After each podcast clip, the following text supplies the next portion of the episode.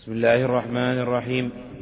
الحمد لله رب العالمين وصلى الله وسلم على نبينا محمد وعلى آله وصحبه أجمعين. قال الإمام مسلم رحمنا الله وإياه كتاب الأضاحي. قال حدثنا أحمد بن يونس. قال حدثنا زهير.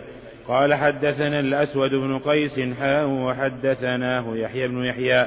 قال أخبرنا أبو خيثمة عن الأسود بن قيس قال حدثني جندب قال حدثني جندب بن سفيان قال شهدت قال شهدت الأضحى مع رسول الله شهدت الأضحى مع رسول الله صلى الله عليه وسلم فلم يعد أن صلى وفرغ من صلاته سلم فإذا هو يرى لحم أضاحي قد ذبحت. قد ذبحت قبل أن يفرغ من صلاته فقال من كان ذبح أضحيته قبل أن يصلي أو نصلي فليذبح مكانها أخرى ومن كان لم يذبح فليذبح بسم الله.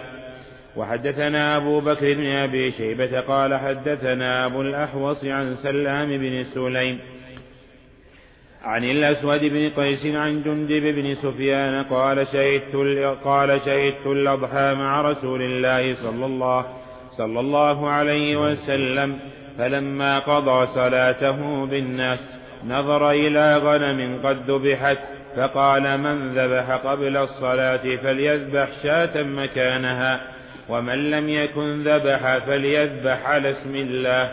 وحدثنا قتيبة بن سعيد قال حدثنا أبو عوانة حاء وحدثنا إسحاق بن إبراهيم وابن أبي عمر عن ابن عيينة كلاهما عن الأسود بن قيس بهذا الإسناد وقال وقال على اسم الله كحديث أبي الأحوص حدثنا عبيد الله بن معاذ قال حدثنا أبي قال حدثنا شعبة عن الأسود سمع جندب البجلي رضي الله عنه قال شهدت رسول الله صلى الله عليه وسلم صلى يوم صلى يوم أضحى ثم خطب فقال من كان ذبح قبل أن يصلي فليعد مكانها ومن لم يكن ذبح فليذبح بسم الله. بسم الله الرحمن الرحيم الحمد لله رب العالمين صلى الله وسلم وبارك على عبد الله ورسول نبينا محمد وعلى آله وصحبه أجمعين أما بعد.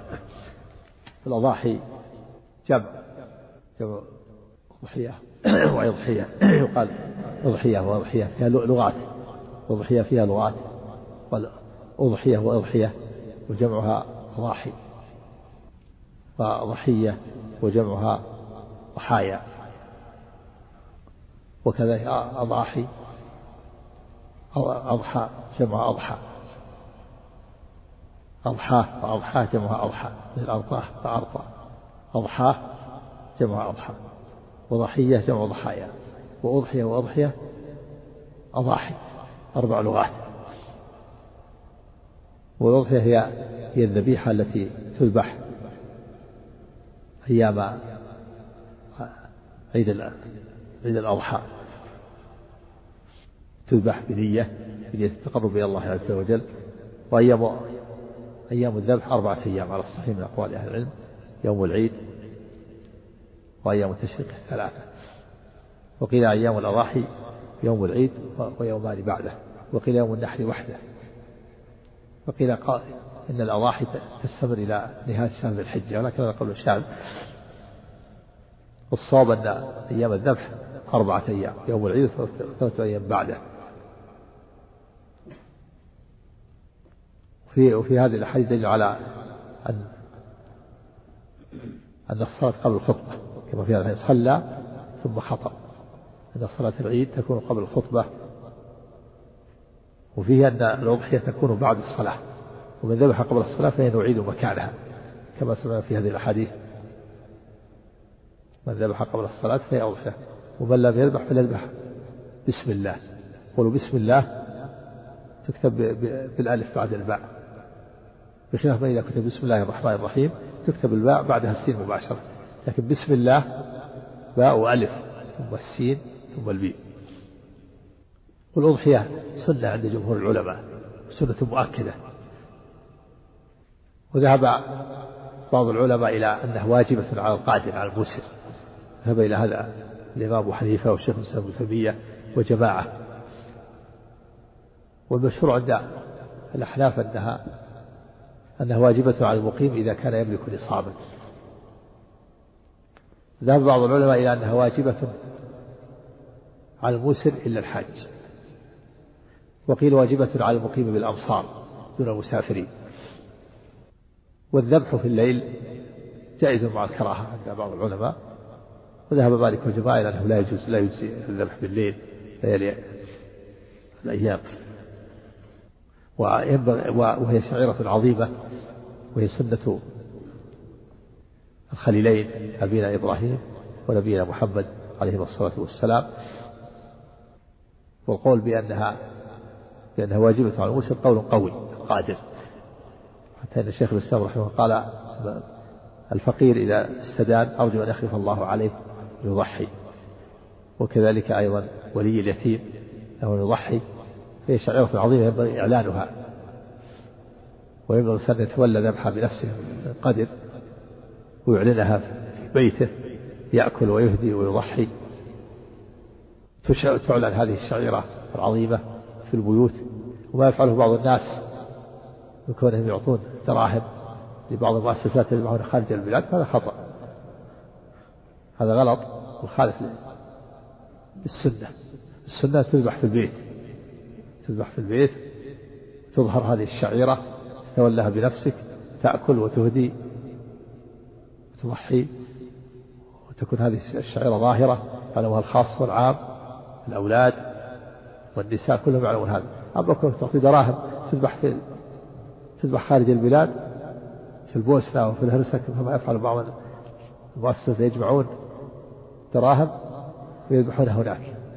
هذا هذا مخالف للسنة ولكن الإنسان يضحي ببيته وإذا حب أن يتبرع بدراهم لمن يضحي هناك للفقراء لا بأس. تبرع لهم دراهم يضحون. هم أما أضحية أنت تذبحها في بيتك كذلك بعض الناس يقول عنده وصايا. عنده ستة وسبع أضحايا روحها في الخارج. تذبح في خارج هذه الوصايا عليك أن تذبحها أنت بنفسك تولها بنفسك أنت المسؤول عنها من يعلم أنها أديت ذاك وذبحت كما كما ينبغي. ومن يعلم أنها ذبحت عند المسلمين بعض يتسمون باسم الإسلام ما يعرفون أن الإسلام إلا اسم بعض في بعض الجهات. هذا من الأغراض التي ينبغي للمؤسسات إذا جمعوا يبينون لهم أنه ينبغي الإنسان يضحي في بيته وهذه تجمع تبرعات للفقراء الذين ما يستطيعون الأضحية لا بأس. تبرع لهم يضحون عن أنفسهم. أما أضحية كانت تذبحها في بلدك وكذلك الوصايا في بيتك. أظهر هذه الشعيرة. وكل منها وهدي وتصدق. ونشئ أولادك وأهلك على معرفة السنة وعلى إظهارها. لكن كسل عن بعض الناس عدم المبالاة وكسل أيضا. حتى أن بعض الناس صار صدقة الزكاة صدقة الفطر ما يخرجها ما يستطيع يخرج صاع عنه وعن عن, عن كل واحد من أهل بيته يتولاها بنفسه ووزعها يروح يعطيها بعض الجمعيات. لا بأس الجمعيات. والجمعيات تجتمع عندهم الزكوات ويستطيع ولا يستطيعون تفريقها في وقتها ويكون عندهم شيء زائد أنت وزعها بنفسك. الحمد لله. صدقتك وعنك عن أولادك وزعها بنفسك واذبح أضحيتك بنفسك والمؤسسات تعطيها شيء آخر. نعم.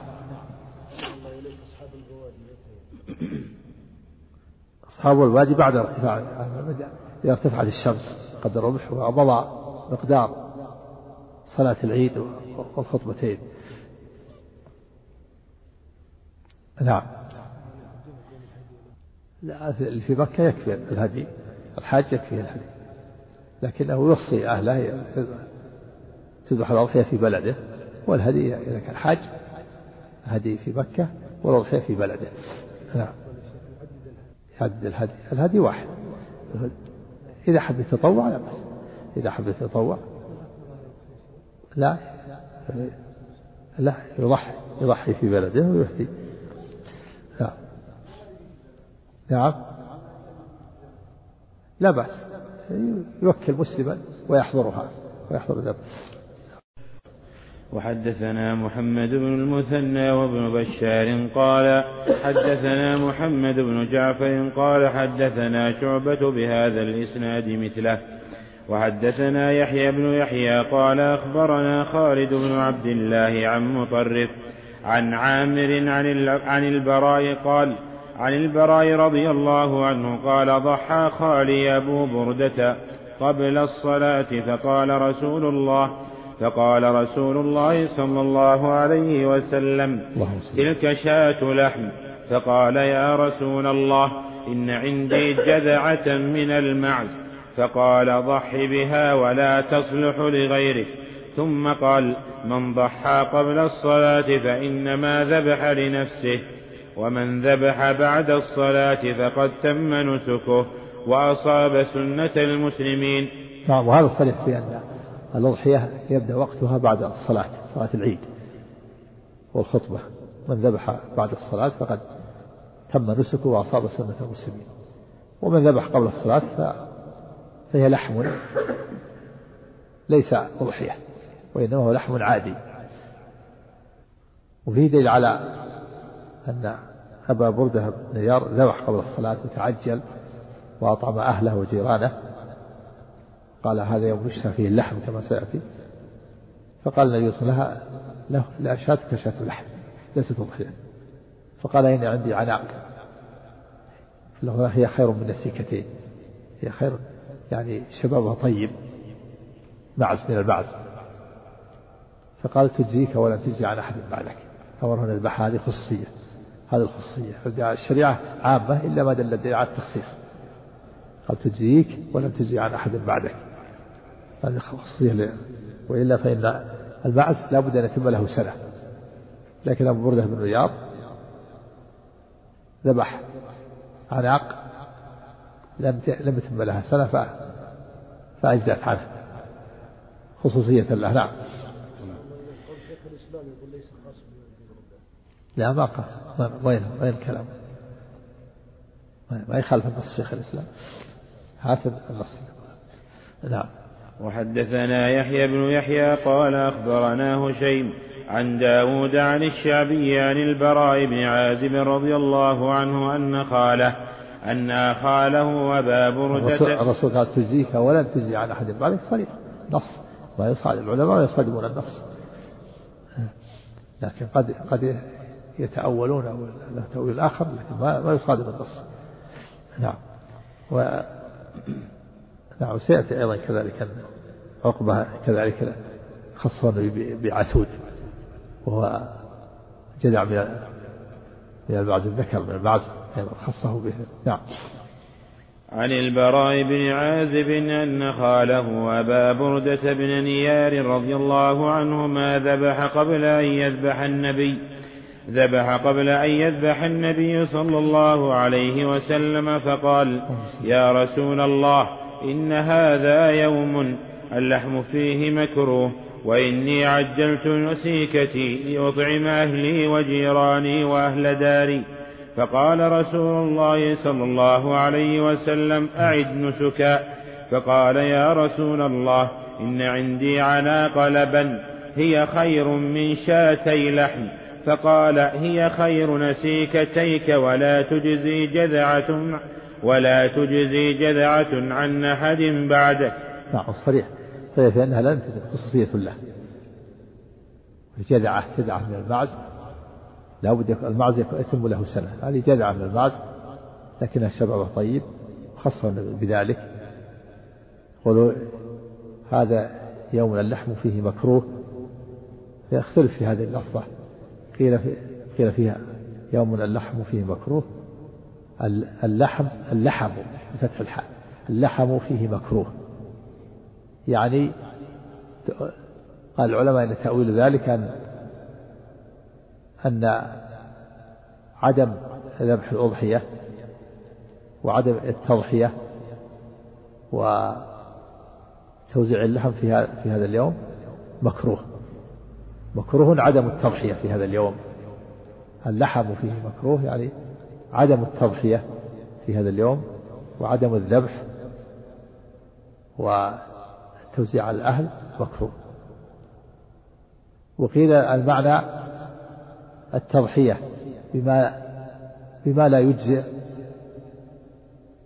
ذبح غير المجزي من اللحم. مكروه.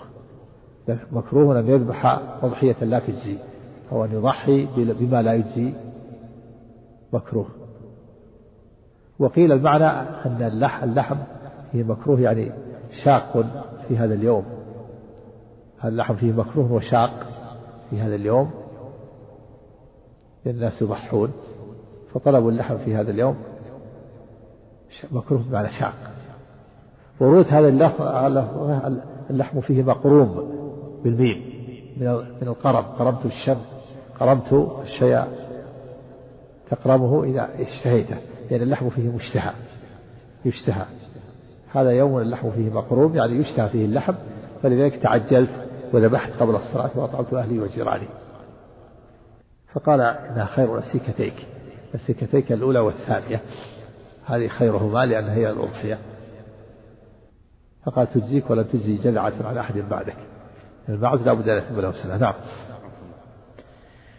قال حدثنا محمد بن المثنى قال حدثنا ابن أبي عدي عن داود عن الشعبي عن البراء بن عازب رضي الله عنه قال خطبنا رسول الله صلى الله عليه وسلم يوم النحر فقال لا يذبحن أحد حتى يصلي. قال فقال خالي يا رسول الله إن هذا يوم اللحم فيه مكروه ثم ذكر بمعنى حديث هشيم نعم وهو خال البراء بن عازب. أبو بردة بن رياض خال البراء بن عازب. هو الذي ذبح قبل الصلاة نعم. حدثنا أبو بكر بن أبي شيبة قال حدثنا عبد الله بن نمير. وحدثنا ابن نمير قال حدثنا أبي قال حدثنا زكريا. عن فراس عن عامر عن البراء بن عازب رضي الله عنه قال قال رسول الله صلى الله عليه وسلم من صلى صلاتنا ووجه قبلتنا ونسك نسكنا فلا يذبح حتى يصلي. فقال خالي يا رسول الله قد نسكت عن, عن ابن لي فقال ذاك شيء عجلته لأهلك. فقال إن عندي شاة خير خير من شاتين. قال ضح بها فإنها خير نسيكتيه. نعم نسكت يعني ذبحت. ذبحت قبل الصلاة. خير نسيكتيك الأولى والثانية الأولى اللي ذبح قبل الصلاة والثانية اللي ذبحها هي خير. الثانية هي خيرهما لأنها هي التي وقعت مضحية. والأولى شاة لحم نعم. وفي دليل على أن الشريعة عامة إلا بدل الدليل على التخصيص كما في في هذا كما في هذا الحديث تجزيك ولا تجزي عنهم بعدك. إذا جاء النص الخاص دل على التخصيص وإلا فالشريعة عامة ومن ذلك قول الله تعالى في المرأة الواهبة نفسها وامرأة مؤمنة وهبت نفسها خالصة لك. وامرأة وامرأة مؤمنة وهبت نفسها للنبي خالصة لك من دون المؤمنين يعني خاص. هذا تخصيص. نعم. قال حدثنا محمد بن المثنى وابن بشار واللفظ لابن المثنى قال حدثنا محمد بن جعفر قال حدثنا شعبة عن زبي عن زبيد الإيامي عن الشعبي عن البراء بن عازب رضي الله عنه قال قال رسول الله صلى الله عليه وسلم إن أول ما نبدأ به في يومنا هذا نصلي ثم نرجع فننحر فمن فعل ذلك فقد أصاب سنتنا ومن ذبح فإنما هو لحم قدمه لأهله ليس من النسك في شيء. وكان أبو بردة بن نيار قد ذبح فقال عندي جذعة خير من خير من مسنة. فقال اذبحها ولن تجزي عن أحد بعدك. نعم الجذعة يعني لها أشهر ولم تتم السنة. مسنة تم لها سنة. نعم ولن تجزي عن أحد بعدك هذا الخصوصية. نعم.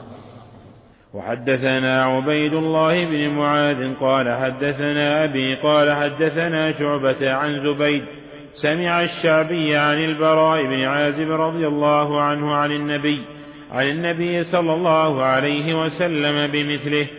وحدثنا قتيبة بن سعيد وهناد بن السري قال حدثنا أبو اللحوص حاء وحدثنا عثمان بن أبي شيبة وإسحاق بن إبراهيم جميعا عن جرير كلاهما عن منصور عن الشعبي عن البراء بن عازب رضي الله عنه قال خطبنا رسول الله صلى الله عليه وسلم يوم النحر بعد الصلاة ثم ذكر نحو حديثهم. وحدثني أحمد بن سعيد بن صخر الدارمي قال حدثنا أبو النعمان عارم بن الفضل قال حدثنا عبد الواحد يعني بن زياد قال حدثنا عاصم الأحول عن الشعبي قال حدثني البراء بن عازب رضي الله عنه قال خطبنا رسول الله صلى الله عليه وسلم في يوم نحر فقال لا يضحين أحد حتى يصلي فقال رجل عندي عناق لبن هي خير من شاتي خير من شاتي لحم. قال فضح بها ولا تجزي جذعة عن أحد بعدك. وحدثنا محمد بن بشار قال حدثنا محمد يعني بن جعفر قال حدثنا شعبة عن سلمة عن أبي جحيفة. عن سلمة. عن سلمة عن أبي جحيفة عن البراء بن عازب رضي الله عنه قال ذبح أبو بردة قبل الصلاة فقال النبي صلى الله عليه وسلم أبدلها. فقال يا رسول الله ليس عندي إلا جذعة. قال شعبة وأظنه قال وهي خير من مسنة. فقال رسول الله صلى الله عليه وسلم اجعلها مكانها. ولن تجزي عن أحد بعدك. وحدثنا ابن المثنى قال حدثني وهب بن جرير حاء وحدثنا إسحاق بن إبراهيم قال أخبرنا أبو عامر العقدي قال حدثنا شعبة بهذا الإسناد ولم يذكر الشك في قوله هي خير من مسنة. وحدثني يحيى بن أيوب وعمر الناقد وزهير بن حرب جميعا جميعا عن ابن علية واللفظ لعمر قال حدثنا إسماعيل بن إبراهيم عن أيوب عن محمد عن أنس بن مالك عن أنس رضي الله عنه قال قال رسول الله صلى الله عليه وسلم يوم النحر من كان ذبح قبل الصلاة فليعد فقام رجل فقام فقال يا رسول الله هذا يوم يشتهى فيه اللحم وذكر هن وذكر هنة من جيرانه هذا أيضا معنى؟ لفظة مقروم مقروم يشتهى فيه اللحم. هذا اللحم فيه مقروم هناك وهذا يشتهى فيه اللحم تفسير مقروم نعم. رواية مقروم يعني يشتهى فيه اللحم. نعم. من كان ذبح قبل الصلاة فليعد فقام رجل فقال يا رسول الله هذا يوم يشتهى فيه اللحم وذكر هنة من جيرانه. يعني حاجة. حاجة من جيرانه محتاجين حاجة لحم فذبح تعجل قبل الصلاة. نعم. كأن رسول الله وذكر هنة من جيرانه كأن رسول الله صلى الله عليه وسلم صدقه. قال وعندي جذعة هي أحب إلي من شاتي لحم أفأذبحهما أفأذبحها؟ قال فرخص له. قال لا أدري أبلغت أبلغت رخصته من سواه أم لا؟ قال وانكفى رسول الله هذا يعني شك. الناس هل بلغت الرخصة؟ وسبق في الحديث فأن أن الرخصة خاصة به لم تبلغ غيره. نعم. قال وانكفى رسول الله صلى الله عليه وسلم إلى كبشين فذبحهما فقام الناس إلى فقام الناس إلى غنيمة فتوزعوها أو قال فتجزعوها. نعم وفي دليل على تعداد جواز تعداد الأضحية. يعني يضحي بكبشين ولذلك ضحى النبي بكبشين إذا ضحى بكبشين أو بثلاثة فلا حرج. نعم. ولكن الشاة تجزي عن الرجل وأهل بيته. وإذا ضحى باثنتين أو ثلاث فلا حرج لأن النبي ضحى بكبشين نعم. سيأتي سيأتي الحديث بعد هذا النبي قيده بذبح الإمام وفي كلام الكلام عليه. نعم. لكن الأحاديث الآن المرت كلها مقيدة بالصلاة الصلاة. بعد الصلاة صلاة العيد. نعم. فإذا صلى العيد ومضى مضت الصلاة الخطبتان فإنه يبدأ وقت الأضحية. وأما في البوادي في البوادي التي فإنها بمقدار إذا طلعت الشمس ارتفعت الشمس ومضى مقدار الصلاة والخطبتين يضحون. نعم. عفو الله. وحدثنا محمد بن ب... وحدثنا محمد البوادي ما فيها ما فيها عيد ولا ولا جمعة. ما تصلى الجمعة ولا العيد في البوادي بوادي العيد والجمعة تصلى في المدن والقرى بشرط الاستيطان أما البوادي والصحاري والمسافرون ليس عليهم لا جمعة ولا عيد. إنما يصلى الجمعة والعيد على أهل القرى والأمصار ولهذا يغلط بعض الناس إذا سافروا بعض الناس يسأل بعض الناس في أسئلة بعض الناس يطلعون في كذا ويصلي بعض بعض الجهال يصلي بهم جمعة. في البر أو في الصحراء وبعضهم كذلك لهم اجتماعات في الحج في مكة في ضواحي مكة. حجاج يجتمعون يصلون يقيمون الجمعة. بعض بعض الجهال هذا من جهلهم. فلا تصح الصلاة الجمعة عليهم العادة. الجمعة ما تصح إلا في القرى والأمصار أما البوادي والمسافرون ليس عليهم جمعة. ولا نعم. وحدثنا محمد بن عبيد الغبري قال حدثنا حماد بن زيد قال حدثنا أيوب وهشام عن محمد عن أنس بن مالك رضي الله عنه أن رسول الله صلى الله عليه وسلم صلى ثم خطب فأمر من كان ذبح قبل الصلاة أن يعيد ذبح أن يعيد ذبحا ثم ذكر بمثل حديث ابن علية. نعم فأمر من ذبح قبل الصلاة. كلها حديث تقييد قبل الصلاة. إذا صلى العيد بدأ الذبح. نعم. عفوا الله الخطبة تتبع الصلاة. الخطبة بعد الصلاة كما مر في الحديث النبي صلى ثم خطب. خطبتان بعد الصلاة. من ذبح بعد الصلاة لكن قبل مع الخطبة. يعني الأحوط يكون بعد الصلاة. لا يجزيه لأن ظاهر الحديث أنها الصلاة مقيد تقيد بالصلاة. نعم. وحدثني زياد بن يحيى الحساني قال حدثنا حاتم يعني ابن ابن وردان قال حدثنا أيوب عن محمد بن سيرين عن أنس بن مالك رضي الله عنه قال خطبنا رسول الله صلى الله عليه وسلم يوم أضحى. يقال يقال أضحى. الأضحى بالفتح. أضحى. صلاة الأضحى. أما أما بكسر إضحى في مصر. أضحى يضحي إضحى الأضحى. أو عيد الأضحى بالفتح. نعم. قال خطبنا رسول الله صلى الله عليه وسلم يوم أضحى. قال فوجد ريح فوجد ريح لحم فنهاهم من يذبحوا قال من كان ضحى فليعد. ثم ذكر بمثل حديثهما.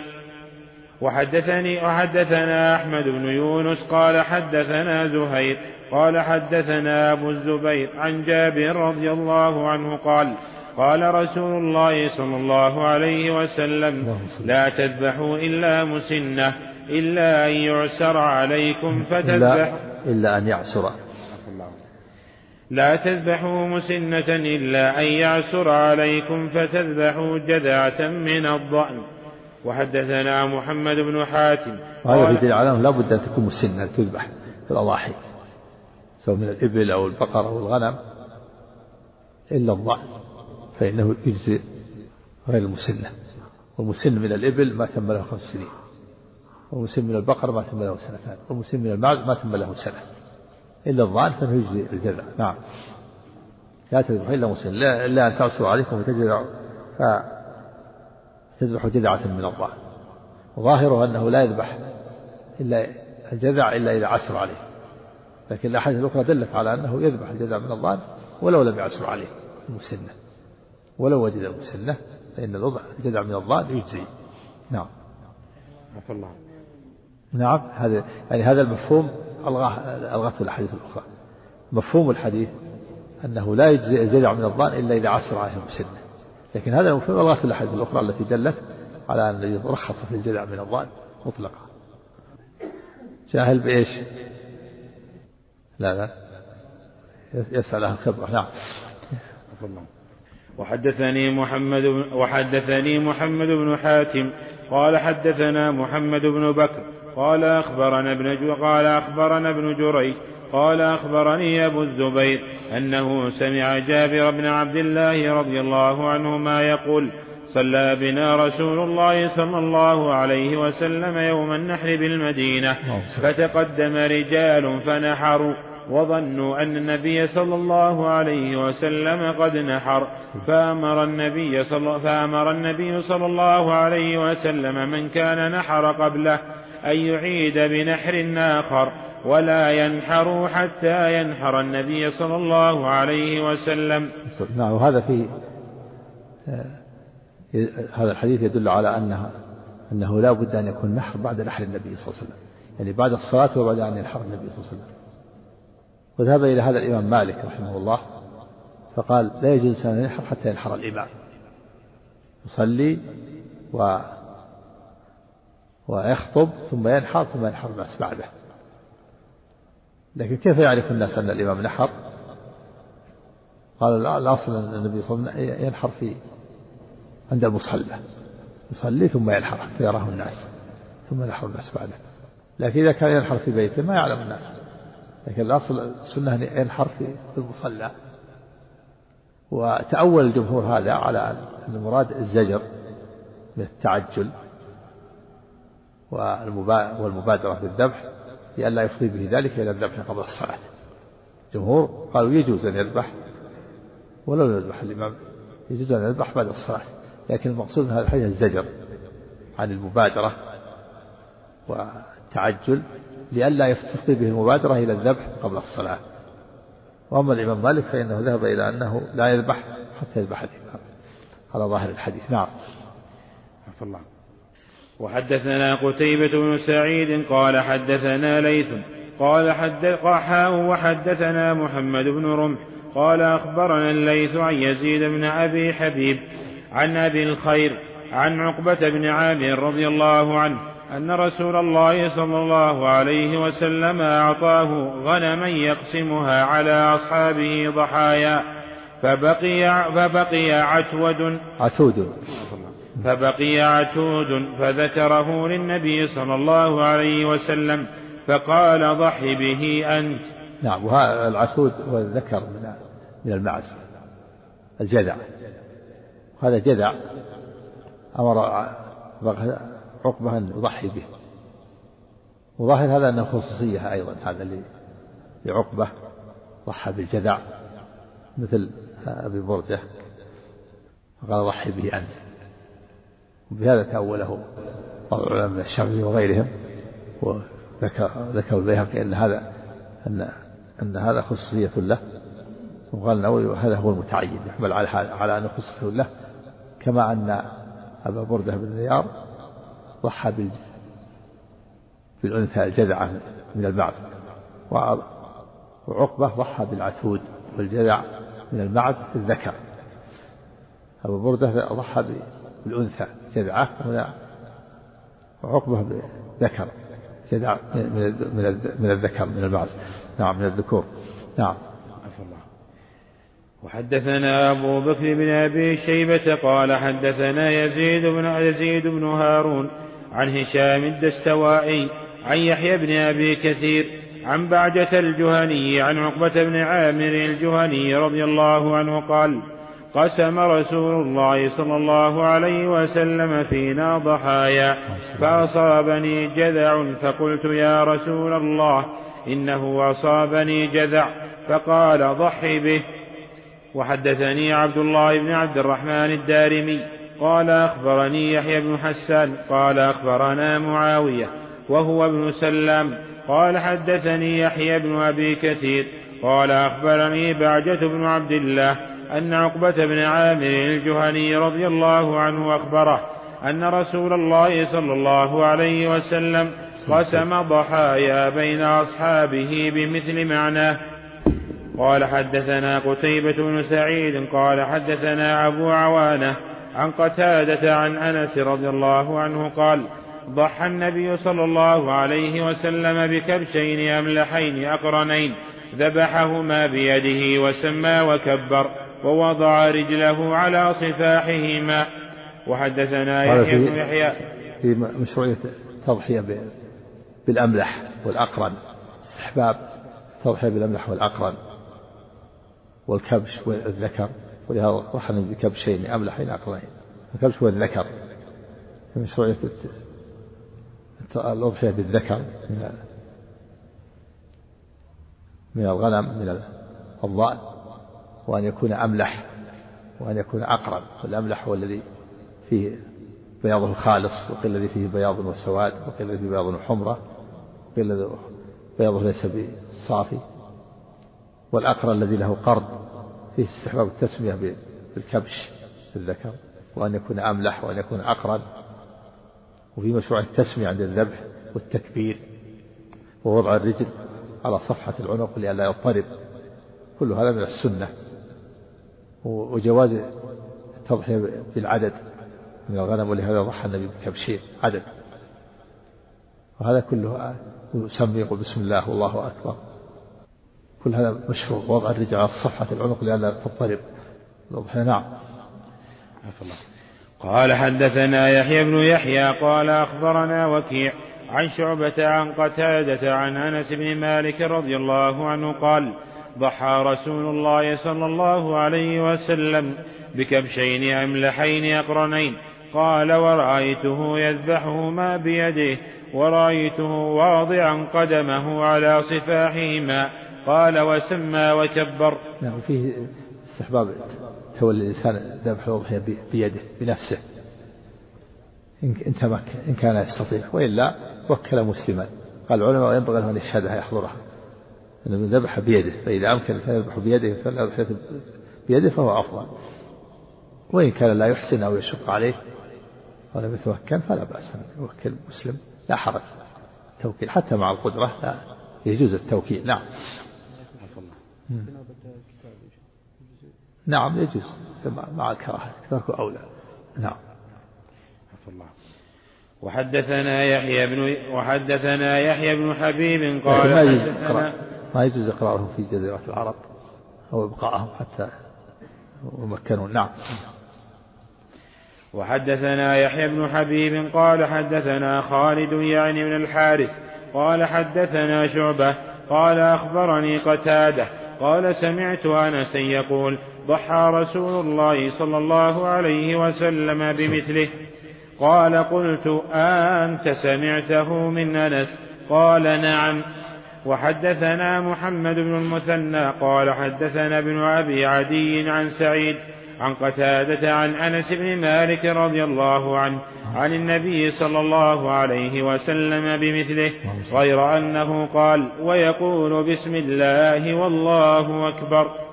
وحدثنا هارون بن معروف قال حدثنا عبد الله بن وهب قال قال حيوة قال أخبرني أبو صخر عن يزيد بن قسيط عن عروة بن الزبير رضي الله عنهما عن عائشة رضي الله عنها أن رسول الله صلى الله عليه وسلم أمر بكبش نقرا يطأ في سواد ويبرك في سواد وينظر في سواد فأتي به ليضحى به فقال لها يا عائشة هلم المدية؟ مدية نعم يقال مدية والمدية نعم. هلم المدية؟ ثم قال اشحذيها بحجر. ففعلت ثم أخذها وأخذ الكبش فأضجعه ثم ذبحه ثم قال بسم الله اللهم تقبل من محمد وآل محمد ومن أمة محمد ثم ضحى به. نعم في هذا مشروع هذا الكبش مشروعية أن يكون يطأ في سواد ويبرك في سواد يعني أنه في سواد في, في عينيه وفي ركبته يطأ وفي رجله. يطأ في سواد يعني في رجله سواد وفي عينه سواد وفي ركبته سواد. يعني إذا كان أملح وفي سواد في في عينيه وفي رجله وفي وفيه مشروعية آه، شحذ المدية وهي السكين وهي السكين سنها حتى تكون حادة. لأن هذا أسرع في إزهاق روح البهيمة. وهذا من الإحسان في الذبح ولهذا جاء في الحديث الآخر أن الله كتب الإحسان على كل شيء. وإذا قتلتم فأحسنوا القتلة وإذا ذبحتم فأحسنوا الذبحة وليحد أحدكم شفرته وليرح ذبيحته الشفرة هي السكين وقال الشفرة يحدها يسنها. حتى تكون حادة.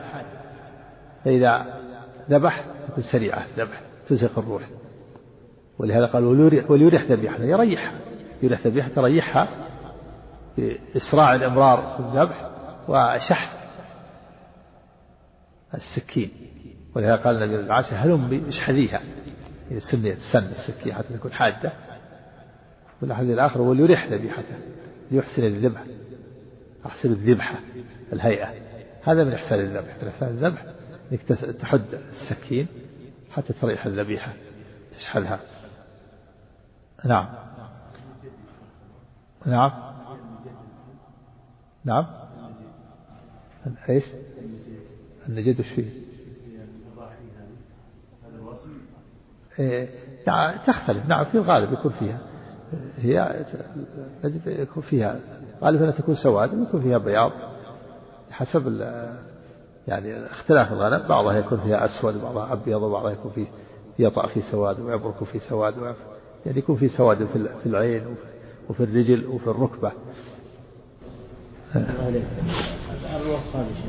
مقصود ولا يعني المواطن هذا تخبر عن الواقع أن الواقع ذبح كذا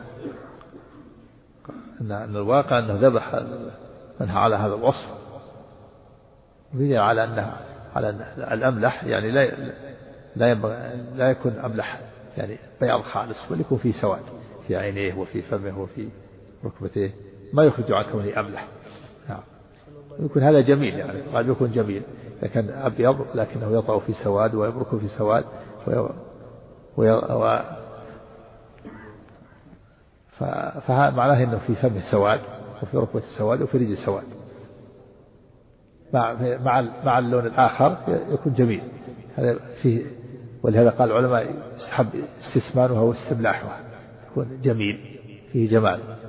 بخلاف ما إذا كان أسود خالص أو أو أو أبيض خالص. لكن إذا كان أبيض وفي سواد في عينيه وفي فمه صار فيه جمال. وهذا كله باب الاستحباب وإلا أي أي شاة يذبحها وليس فيها مانع كما الشروط الحمد لله. نعم. بالنسبة للمسنة. بالنسبة للمسنة هل هناك فرق بين الثانية والرباع في الأفضلية؟ مسنة إيش؟ مسنة الثانية والرباع أو السدس. هل هناك أفضلية بينهما ورد في هذا الشيء؟ لا المهم كل ما كان أطيب لحم وأرفع الفقراء فهو أفضل. نعم. الأصل الأضحية لأهل الأمصار الأصل الأضحية لأهل الأمصار فيه كلام أهل العلم. بعضهم يرى أنه لا يضحي بعضهم يرى أنه يضحي. لكنه إذا كان في في بلده له أهل في البلد يوصي أهله يذبحون الأضحية في بلده. وإن جمع بينهم فلا حرج. بعض العلماء يرى أنه يكتفي بالحج ما عليه أضحية يكتفي بالهدي. نعم. وحدثنا ولأن الحج مسافر يقول الحج الأضحية للمقيم ليس للمسافر من الأحناف وغيرهم نعم. نعم. قال حدثنا محمد بن المثنى العنزي. نعم فيه مشروعية الدعاء. اللهم تقبل محمد وآل محمد. اللهم تقبل محمد وآل محمد وآل محمد. يسمي ويكبر ويقول اللهم تقبل مني. في الآخر اللهم تقبلها منك كما تقبلتها من إبراهيم خليلك ومن محمد نبيك نعم. يعني عمل عمل لم يضحي من أمة محمد. هذا من حجة من يقول أنها الأضحية ليست واجب مستحبة. قال محمد وآل محمد وقال في الكبش الثاني عمل لم يضحي من أمة محمد. نعم. الأموات والأحياء جميعا. نعم. وقد صلى في قبل قال نسبت عن ابن لي. قلت فإنه ضحى عن ابن له مات فيه جواز إيه نعم. هذا من أدلة هذا نعم. يقول عن ابن لي لأن النبي صلى الله عليه وسلم أقر على ذلك ولم ينكر عليه. دل على مشروعية الأضحية على الأموات خلافا لمن قال لا لا يشرع. بعض الناس قالوا إنه غير مشروع على الأموات. هذا ليس بصحيح. الصواب أنها مشروعة. الاضحيه تكون على الحي والميت على الحي والميت. ولكن لا يخص الميت بأضحية إلا إذا كانت وصية. يكتفي بأضحية عن نفسه وعن عن الأحياء وعن الأموات. وإن خصه فلا حرج. ف فمن الناس من قال أنها غير مشروعة الأضحية عن الأموات. قال بعض وهذا ليس صحيح. ومنهم من قال تجوز إذا ضحى عن الميت تجوز ولكنها غير مشروعة وذهب إلى هذا الشيخ محمد بن عثيمين رحمه الله. ومشروع الفقهاء أنها مشروعة على الأموات وعلى الأحياء هذا هو الصواب. لكن بعض بعض الناس غلوا بعض العامة. في في نجد إلى عهد قريب. ويوجد هذا عند العامة. أنهم يضحون عن الأموات ولا يضحون عن الأحياء. عكسوا عكس. تجد بعض العامة ما يضحي. فيقول لما يا فلان تضحي؟ قال والله أبوي موجودان ما لا حاجة للأضحية الأضحية عن الميت وأنا ما لي أموات. أه أبوي موجودان هذا غلط. روح عن نفسك أنت وعن أهل بيتك. الأضحية سنة عن الحي قبل الميت. تشرك الميت لا بأس. فهذا غلي غلو قابلهم بعض العلماء قال ليست مشروعة عن الأموات مطلقة. قر على هذا بعض بعض بعض المعاصرين. كتبوا فيها كتابات قالوا غير مشروعة عن, عن الأموات. وهذا ليس بصحيح. وتوسط الشيخ محمد بن رحمه الله قال انها جائزة إذا ضحى الميت تجوز ما نقول غير جائزة لكنها غير مشروعة. يعني ونقول أنها مشروعة عن الأحياء والأموات لكن يبدأ بالحي قبل الميت وإذا أشرك الأموات فالحمد لله. أو خصهم بأضحية لكن يكونوا يشركهم أو لا. قال أبو أيوب كنا كان رجل يضحي بالشاة عنه وعن أهل بيته فيأكلونه ويطعمون نعم كمل الحديث. عشان نشوف الموقف. نعم. قال حدثنا محمد بن المثنى العنزي قال حدثنا يحيى بن سعيد عن سفيان قال حدثني أبي عن عباية بن رفاعة بن رافع. كل موسى كل من خرج عن البلد ما عليهم. اللي يخرج عن البلد ما يقوم الجمعة ما تقوم الجمعة إلا في البلد. حتى ولو غير مسافة قصر. يخرج عن البلد ما يصلي الجمعة. نعم ما يصلي الجمعة إلا في الجوامع في البلد. نعم.